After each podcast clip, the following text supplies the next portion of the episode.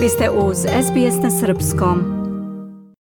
Do zvaničnog dana održavanja referenduma o glasu prvih naroda ostalo je još deset dana, ali je proces glasanja već počeo u svim australijskim državama i teritorijama. Za sve koji 14. oktobra neće biti u mogućnosti da glasaju, od ponedeljka su otvorena glasačka mesta u Viktoriji, Tasmaniji, Severnoj teritoriji i Zapadnoj Australiji, dok je zbog državnog praznika prevremeno glasanje moguće od danas i u Novom Južnom Velsu, ACT-u, Queenslandu i Južnoj Australiji.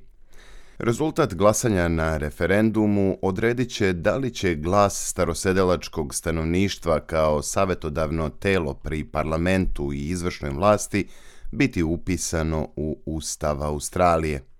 Savezni premijer Anthony Albanese od prvog dana vodi snažnu kampanju za glasanje za i vidi referendum kao šansu da se zemlja ujedini. I would encourage people to have a look at what the question is there Premijer poziva glasače da pogledaju pitanje o kojem glasaju i kaže da uoči referenduma postoji velika kampanja unošenja straha od stvari koje nemaju veze s ovim plebiscitom. On dodaje da ni jedna zemlja nikada nije postala bolja tako što je podlegla kampanji zastrašivanja. Da bismo ojačali celu zemlju potrebno nam je više optimizma, potrebna nam je nada i vizija za budućnost.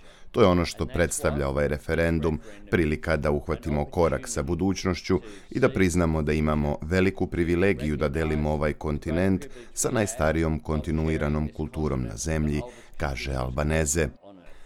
Glasačka mesta su otvorena za rano glasanje na referendumu kako bi građani Australije imali mogućnost da planiraju unapred i da glasaju na način koji im najviše odgovara kaže Sally Angus iz Australijske izborne komisije. Važno je da birači planiraju glasanje i ukoliko ne mogu da izađu na referendum na dan održavanja, onda mogu da dođu ranije u jedan od naših centara za rano glasanje ili da se prijave da glasaju putem interneta na sajtu aec.gov.au. Državljani Australije prvi put se izjašnjavaju o mogućoj ustavnoj promjeni posle skoro četvrt veka. Posljednji referendum održan je još 1999. godine, kada nije izglasana ideja o prelasku na republiku. Izborna komisija je još 25. septembra počela da otvara glasačka mesta u udaljenim izbornim jedinicama, a sada je rano glasanje moguće i širom zemlje. Broj upisanih glasača je za 400.000 veći u odnosu na prošlogodišnje savezne izbore i Australija danas ima najveći broj ljudi s pravom glasa u biračkom spisku. Iz izborne komisije kažu da je 97% građana s pravom glasa registrovano za referendum, a upis starosedelačkog stanovništva također je na rekordnih 94,1%.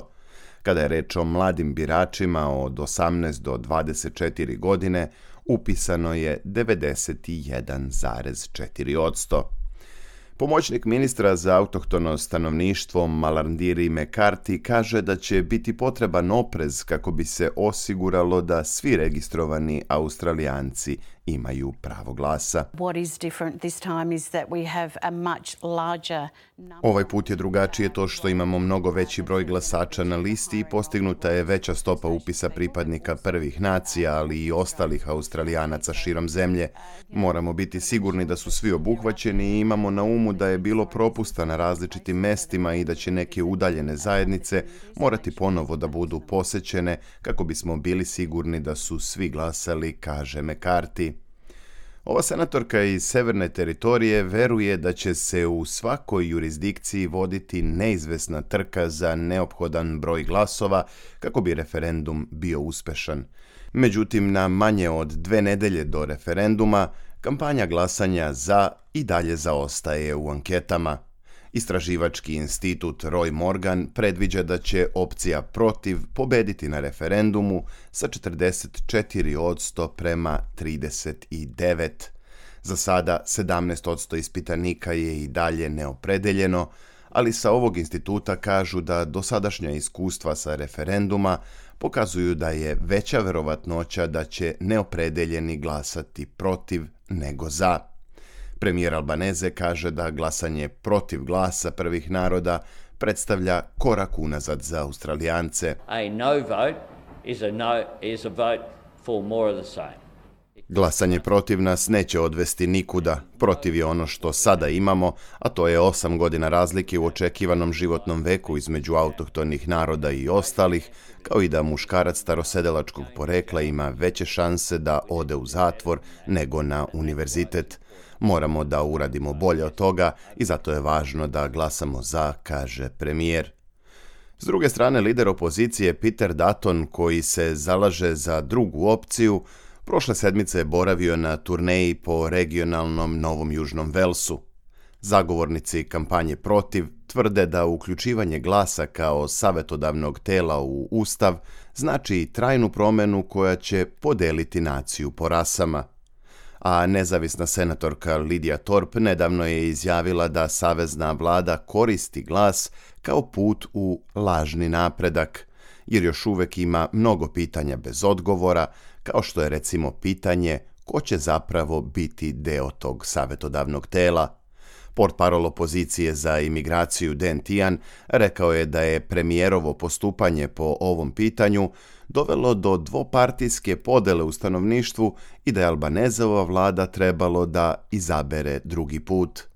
Tijan je za Kanal 9 rekao i da Albaneze nije uspeo da tačno objasni kako bi ovo savjetodavno telo funkcionisalo u praksi. This is the most significant change to our constitution Tijan ocenjuje referendumsko pitanje kao najznačajniju promjenu Ustava ikada i naglašava da je Albaneze imao više od godinu i po dana da građanima pruži detalje o referendumskom pitanju, ali da to nije uradio.